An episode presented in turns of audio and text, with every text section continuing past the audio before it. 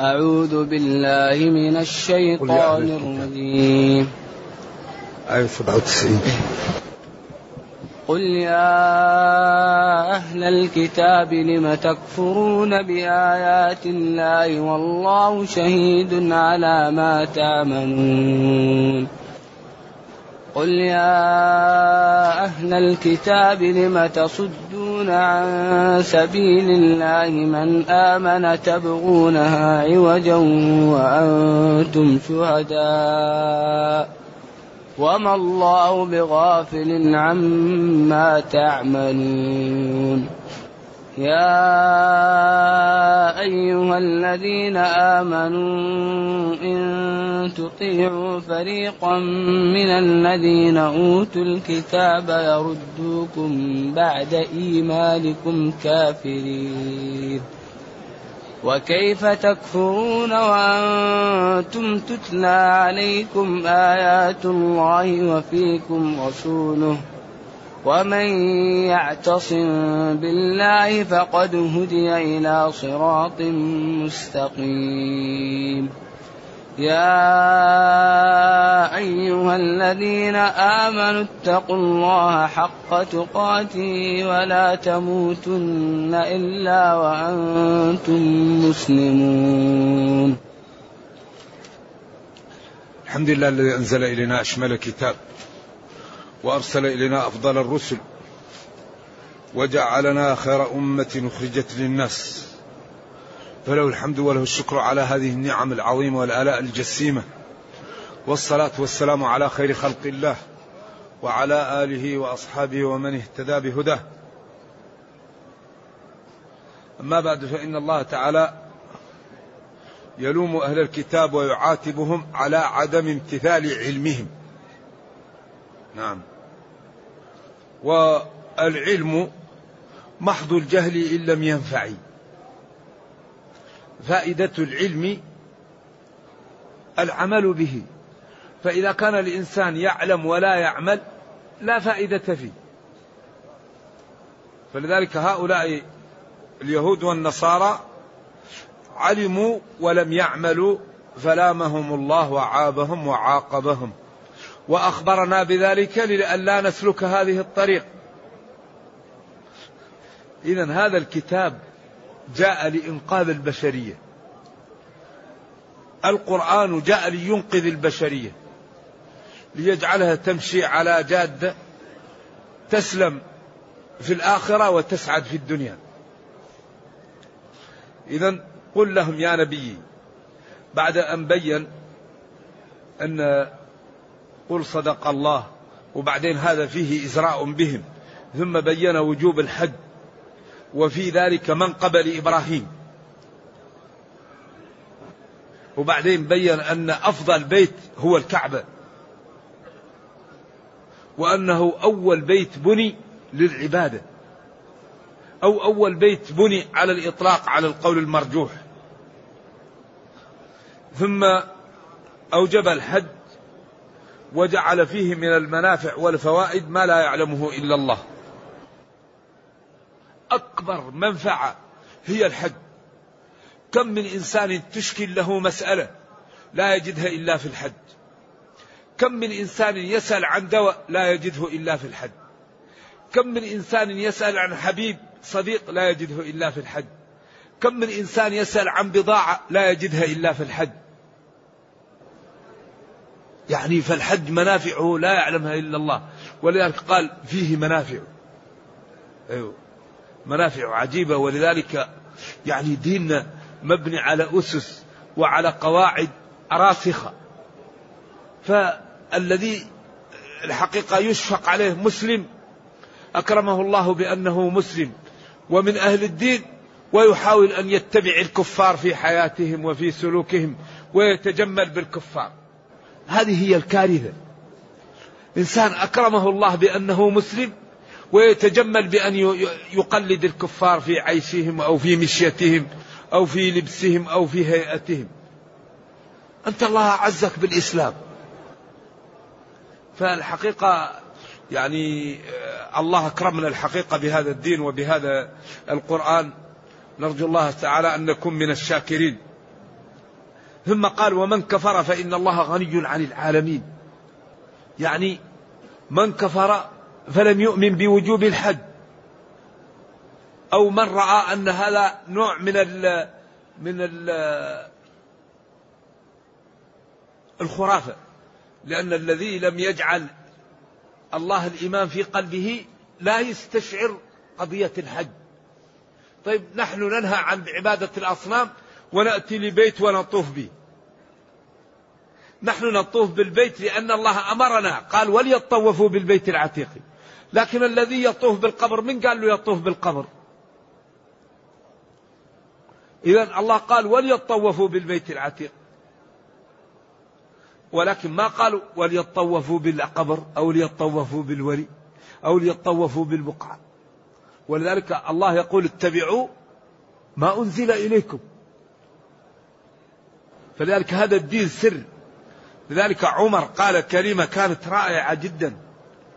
قال والله إني لا أعلم أنك حجر لا تضر ولا تنفع. ولولا أني رأيت رسول الله صلى الله عليه وسلم يقبلك ما قبلتك. يعني هذا الاتباع. أنا نتبع. أعرف أن هذا حجر لكن النبي صلى الله عليه وسلم استلمه وقال لتأخذوا عني. إذا أنا نمتثل.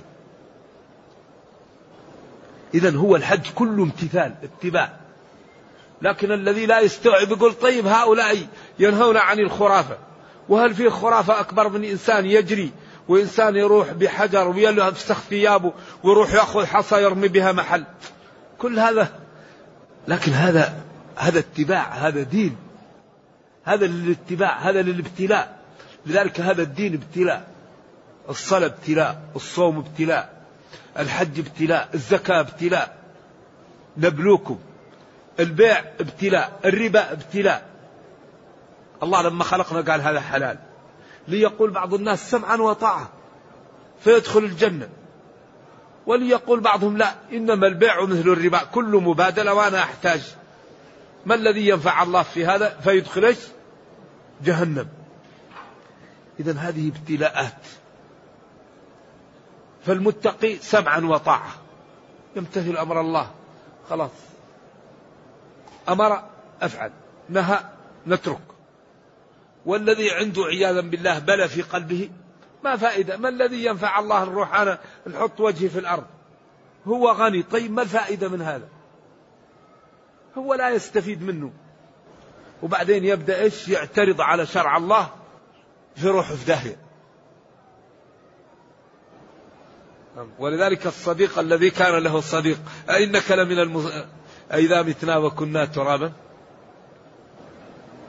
قال نعم ولا زال به حتى مات على الدين. فقال لإخوانه في الجنة إني كان لي قرين يقول إنك لمن المصدقين. فلما اطلع عليه ارتعدت فرائصه وهو في الجنة. وقال تالله إن كدت لتردين.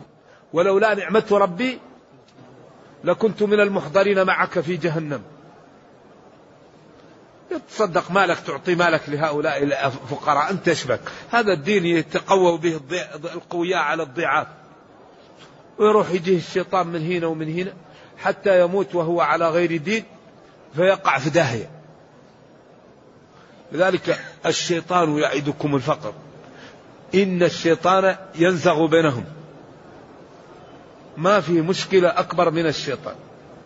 لذلك قال العلماء أن الإنسان إذا جاءته الموت يأتيه الشيطان ويحاول يكفره.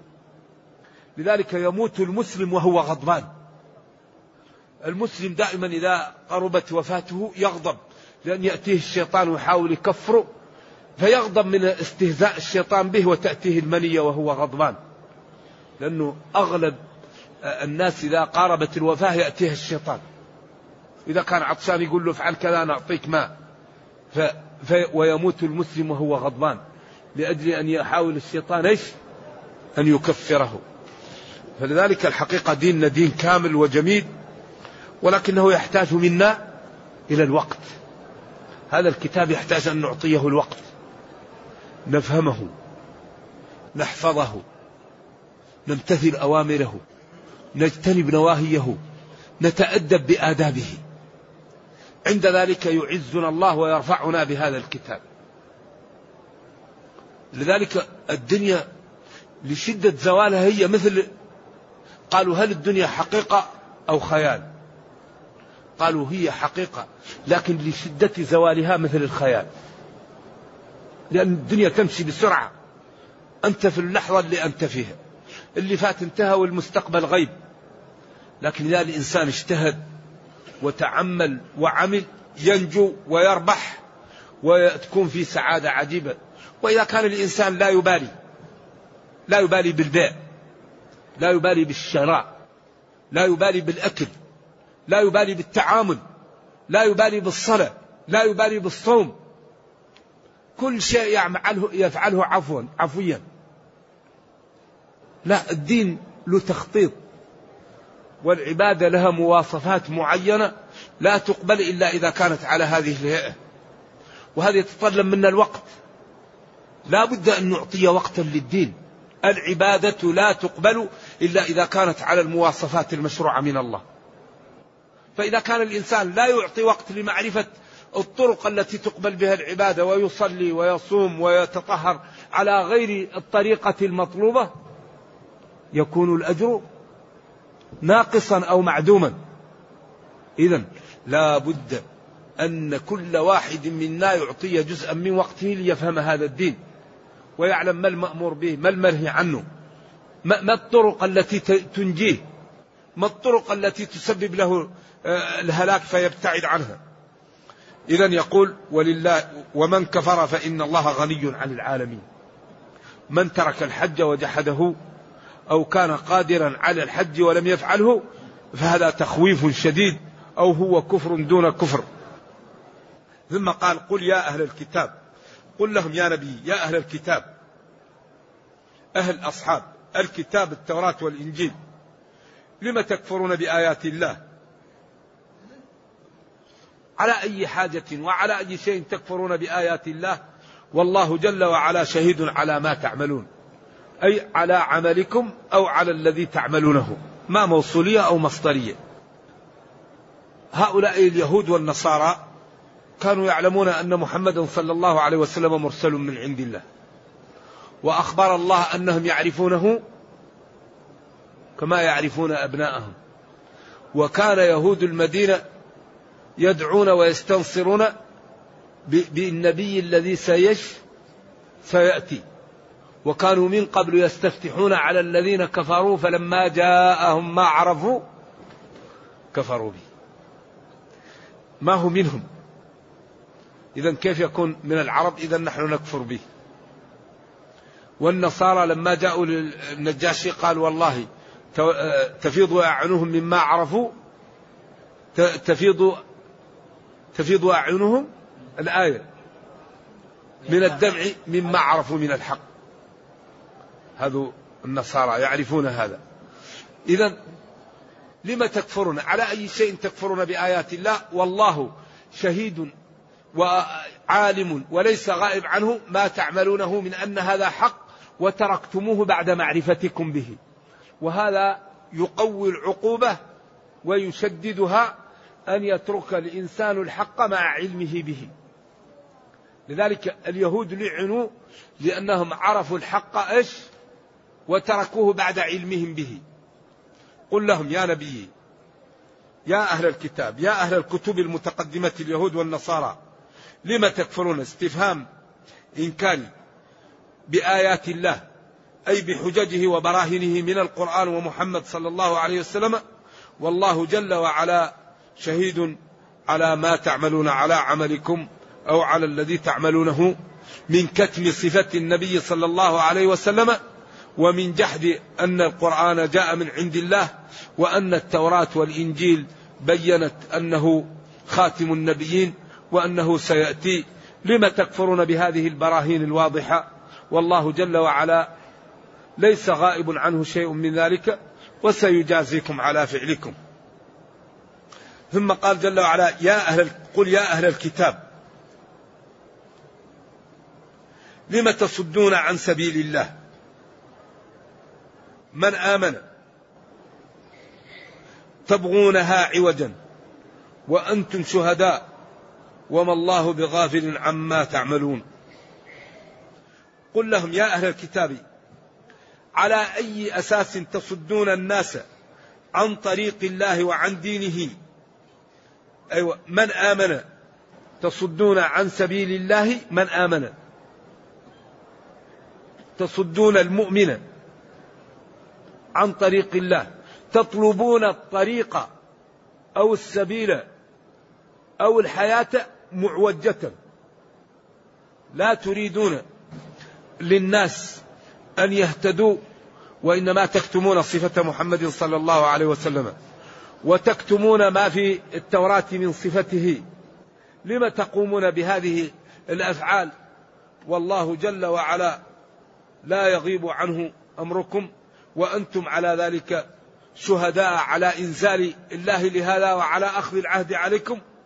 وما الله جل وعلا بغافل عما تعملونه من ذلك وهذا في غاية التهديد والتخويف من هذا العمل. وفيه إزراء باليهود الذين كانوا بين ظهراني النبي صلى الله عليه وسلم وأنهم ليسوا أصحاب قدوة ولا أصحاب عمل يقتدى به لأنهم عرفوا الحق وتركوه وكذبوا فلا يكون في نفوسكم لهم من الاحترام ما كان قبل ذلك لأن مجيء هذا الدين وهذا الكتاب أظهر كذبهم وعدم استقامتهم فليسوا أسوة حسنة وليسوا محلا للاقتداء بهم. فاحذروا منهم ولا تتبعوهم. ثم قال جل وعلا يا أيها الذين آمنوا إن تطيعوا فريقا من الذين أوتوا الكتاب يردوكم بعد إيمانكم كافرين. لاحظوا الفرق بين الأسلوبين. الأسلوب الأول قل لهم يا نبي يا أهل الكتاب. قل لهم يا أهل الكتاب لم تكفرون يا أهل الكتاب لم تصدون. فلما جاء للمؤمنين ناداهم وباشر الخطاب معهم كرامة لهم. هؤلاء أهل الكتاب قال قل لهم. أما المؤمنون فقال يا أيها الذين آمنوا إن تطيعوا. ناداهم. وهذا نوع من الكرامة لهم ونوع من المنقبة والرفعة لهم. يا حرف نداء للبعيد أي وصل لها؟ الذين آمنوا يشمل 11 جملة. آمنوا بالله وملائكته وكتبه ورسله واليوم الآخر وبالقدر خيره وشره وشهدوا أن لا إله إلا الله وأن محمد رسول الله وأقاموا الصلاة وآتوا الزكاة وحجوا البيت إن استطاعوا. لأن الإيمان إذا جاء بمفرده يشمل الإيمان والإسلام. والإسلام إذا جاء بمفرده يشمل الإيمان والإسلام. وإذا جاء الإيمان والإسلام يكون الإيمان المقصود به إدخال المعلومة في القلب ويكون الإسلام المقصود به الاستسلام والانقياد الظاهر. قالت الأعراب آمنا قل لم تؤمنوا ولكن قولوا أي انقدنا في الظاهر ولم يدخل الإيمان في قلوبهم. وهؤلاء الجماعة طبعا على التحقيق كانوا منافقين وإن أباها جلة من العلماء في آية الحجرات. يا أيها الذين آمنوا إن تطيعوا تطيعوا تقبلوا وتسيروا وتوافقوا فريقا جماعة من الذين أوتوا الكتاب وهم اليهود يردوكم جواب الشرط. بعد إيمانكم كافرين. وذلك أن اليهودي شاس بن قيس كان مارا بجماعة من الأوس والخزرج فوجدهم متآلفين متحاببين يأخذون بأطراف الحديث وكل منهم يهش للإنسان وينظر إليه بمحبة وارتياح فقال والله لا طاقة لنا بالأوس والخزرج إن اتفقوا. فلا بد أن نرحل من هذا البلد أو أن, أو أن نوقع بينهم. وأرسل شابا من اليهود ليذكرهم بما كان بينهم من الحروب وقد مكثت الحرب بينهم عشرون ومائة سنة. مكثت الحرب بينهم عشرين ومائة سنة مئة وعشرين سنة. وآخرها حرب بعاث التي كانت قبل البعثة بثلاث سنين. كما يقول أهل السير والمفسرون فجاء وقال لهم ماذا فعل فلان بفلان يوم بعاث وذكر بعض الأشعار التي حصلت. فتساب القوم وجثوا على الركب وقال إن أردتم أن نعيدها جذعه فقال هو كذلك ونادى أهل الأوس يا الأوس ونازوا الخزرج يا الخزرج وخرجوا ليعيدوا القتال فسمع بهم النبي صلى الله عليه وسلم فقال بعد أن جئتكم بها نقية وقال لهم أبي دعوى الجاهلية وأنا بن ظهرانيكم أكرمكم الله بالإسلام وأعزكم به وألف بينكم فما زال بهم حتى علموا أن هذا نزغ من الشيطان فتركوا ما كانوا فيه من محاولة القتال وتعانقوا وبكوا وعلموا أن هذا نزغ من الشيطان. إذا يا أهل الكتاب يا, يا أيها الذين آمنوا إن تطيعوا فريقا وهو هذا اليهودي من الذين أوتوا الكتاب اليهود يردوكم بعد إيمانكم كافرين. يردوكم على الكفر وعلى القتال وعلى الجاهلية. وكيف تكفرون بالله؟ وبأي طريق تكفرون بالله؟ والحال أنكم تتلى عليكم آيات الله وفيكم رسوله والقرآن ويقول ولا تنازعوا فتفشلوا. ويبين كنتم خير أمة أخرجت للناس تأمرون بالمعروف وتنهون عن المنكر. ومن أحسن قولا ممن دعا إلى الله وعمل صالحا ادفع بالتي هي أحسن. إذا يتلى عليكم آيات الله وهو مليء بالأمر بالإصلاح وعدم اتباع الشيطان وعدم سلوك نزغه في الإنسان.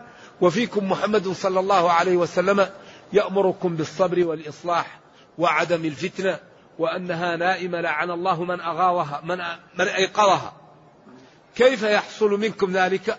والحال أن فيكم ما يمنعكم من أن يحصل لكم شيء من ذلك. كيف؟ على أي طريق؟ تكفرون بالله وأنتم تتلى عليكم آياته القرآن. وفيكم رسوله. ينزل عليه الوحي ويبين لكم ما يصلح لكم دنياكم وأخراكم. ثم قال ومن يعتصم بالله فقد هدي إلى صراط مستقيم. من يعتصم بالله يلتجئ إليه ويتقوى به ويتمنع به ويسلك الطريق التي رسمها الله يحميه. هدي أرشد إلى طريق لا عوج فيها. لذلك الله ضمن للمستقيم أمرين. الذي يستقيم على الدين الله يضمن له أمرين. من يذكر لي الأمرين هذه الذي ضمنها الله للمستقيم؟ نعم. يا سلام. تصلح له دنياه وأخرى. الذي يستقيم الله يصلح له دنياه ويصلح له أخرى. وأي شيء أعظم من أن يصلح للعبد دنياه وأخرى. أليس هذه العزة؟ أليس هذه الرفعة؟ أليست هذه المنقبة؟ ولكن الاعتصام لا يكون إلا بالمكابدة. لأننا نحن متسلط علينا من؟ الشيطان. وإيش كمان؟ والنفس. والهوى الشيطان. والنفس. والناس. والدنيا. هذه الأربعة معوقات عن طريق الله. الشيطان. يجدك. يعني بعيد عندك الأشياء لا زال يذكرك يذكرك حتى تخرج من الصلاة ما عقلت منها شيء. وشياطين الإنس أشد فلان لا يحترمك فتقطع جيرانك وتقطع أقاربك والدنيا الذي في قلبه الدنيا ما يقدر يجد الخشوع. الذي يمتلئ قلبه من محبة الدنيا إذا دخل في الصلاة يتذكر الصفقات ويتذكر الأسهم. ويخرج من الصلاة ما عقل منها شيء. إذا في معوقات هذه لا بد للمسلم من المكابدة. إذا لم نكابد لا نصل إلى التقى. لأن إذا لم نكابد لا نصل إلى الهداية. ولذلك الله قال والذين جاهدوا فينا والذين جاهدوا فينا. إيش؟ لنهدينهم. من أكبر ما ينبغي أن يكابد البصر. البصر هذا مشكل. تنظر فيأتي إبليس ويضع سهم من سهامه في قلبك فتأتي الشهوة. تنظر فيأتي الحسد. لذلك الله يقول قل للمؤمنين يغضوا. إذا غضيت البصر هذا يكفك كثير من من أبواب الشر. لذلك الله بين لنا أنه أعطانا موارد العلم لنشكره ولنتبع شرعه ولنعمل به. ما أعطانا موارد العلم لنستغلها في معاصيه فالله جل وعلا يقول والله أخرجكم من بطون أمهاتكم لا تعلمون شيئا وجعل لكم السمع والأبصار والأفئدة إيش؟ لعلكم تشكرون. أعطاك البصر تقرأ في المصحف. أعطاك السمع لتسمع القرآن. أعطاك الفكر كيف ننقذ مسلم؟ كيف نؤلف كتاب يسهل على الناس التوحيد؟ كيف نصنع دواء يعالج الأمراض الخطيرة؟ كيف نعمل مؤسسة لا نترك في البلد فقيرا كيف نحاول أن لا نترك بين اثنين من المسلمين كراهية؟ يكون عندي فكر كيف نكون آدمي نترك لبصمات لديني ولأمتي قبل أن نموت؟ وجعل لكم السمع والأبصار والأفئدة لعلكم تشكرون.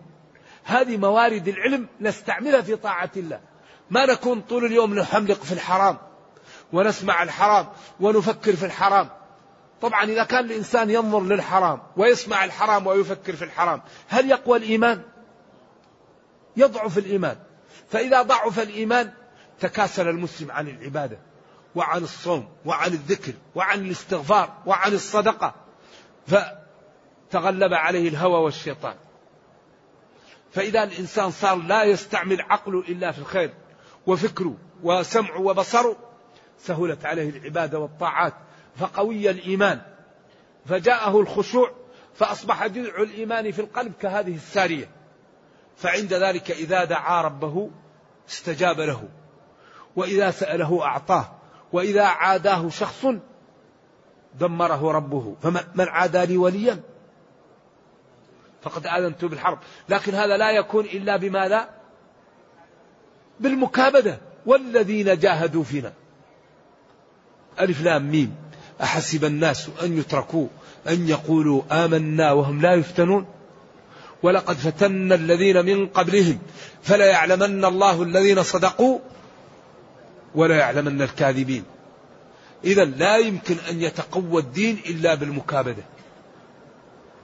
فإذا كابدنا الطاعات قوية جذع الإيمان في قلوبنا فهانت علينا الدنيا في رضا الله جل وعلا. إذا يقول جل وعلا على أي طريقة تكفرون بالله؟ والحال أنكم تقرأ عليكم آيات الله وبينكم رسوله. ثم بين قال ومن يعتصم بالله؟ فقد هدي إلى صراط مستقيم. ثم نادى وقال يا أيها الذين آمنوا اتقوا الله حق تقاته ولا تموتن إلا وأنتم مسلمون.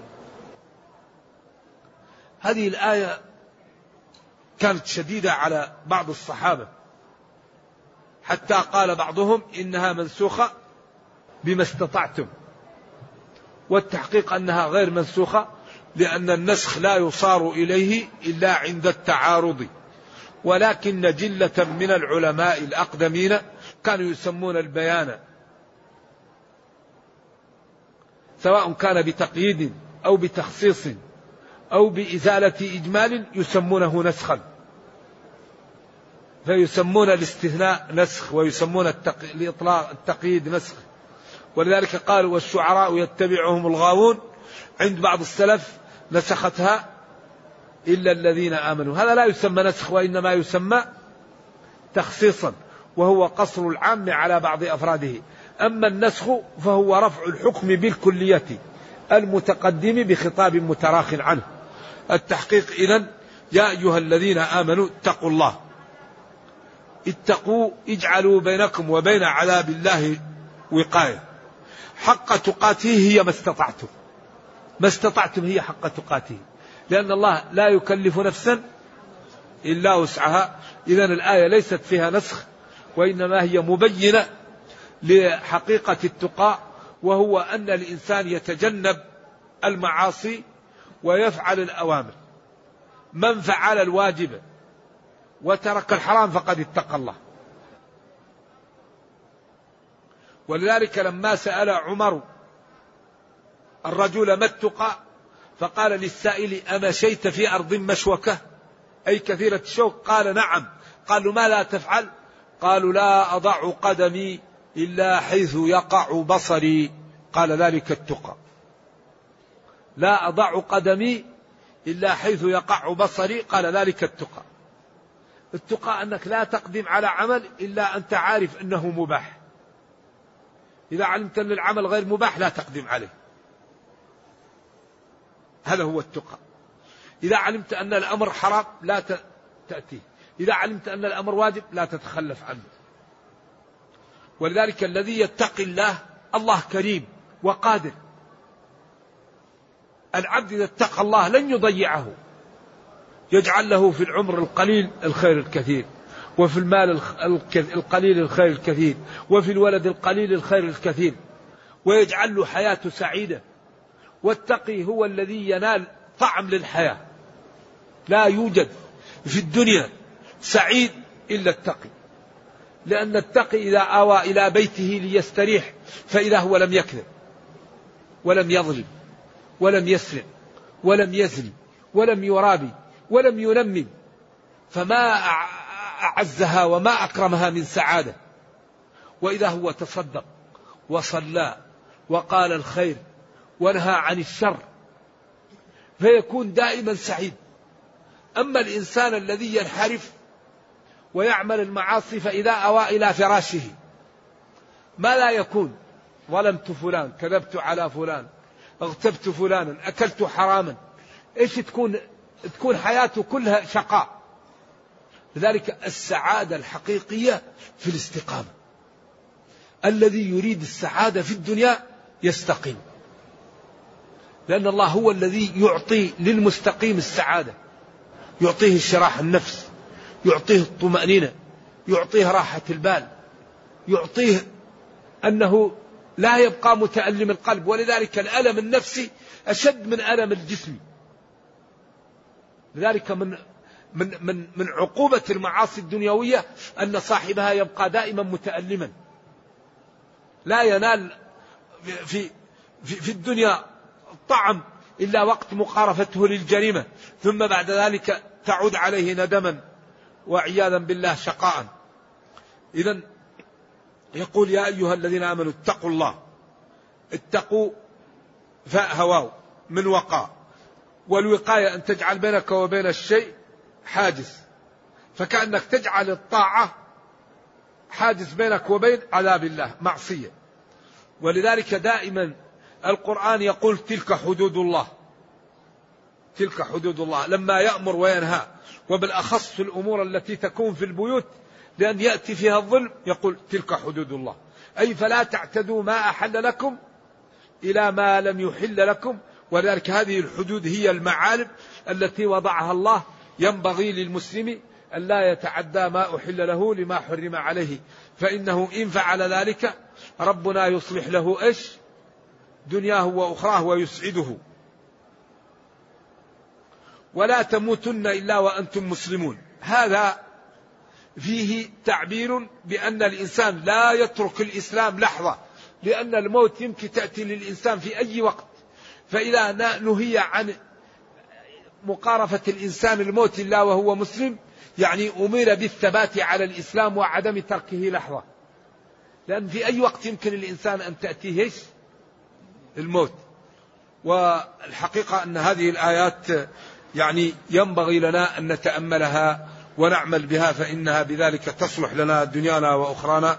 ونرجو الله جل وعلا أن يوفقنا وإياكم لما يحبه ويرضاه وأن يجعلنا جميعا من المتقين. إنه خير مسؤول والقادر على ذلك. وصلى الله وسلم وبارك على نبينا محمد وعلى آله وصحبه. والسلام عليكم ورحمة الله وبركاته.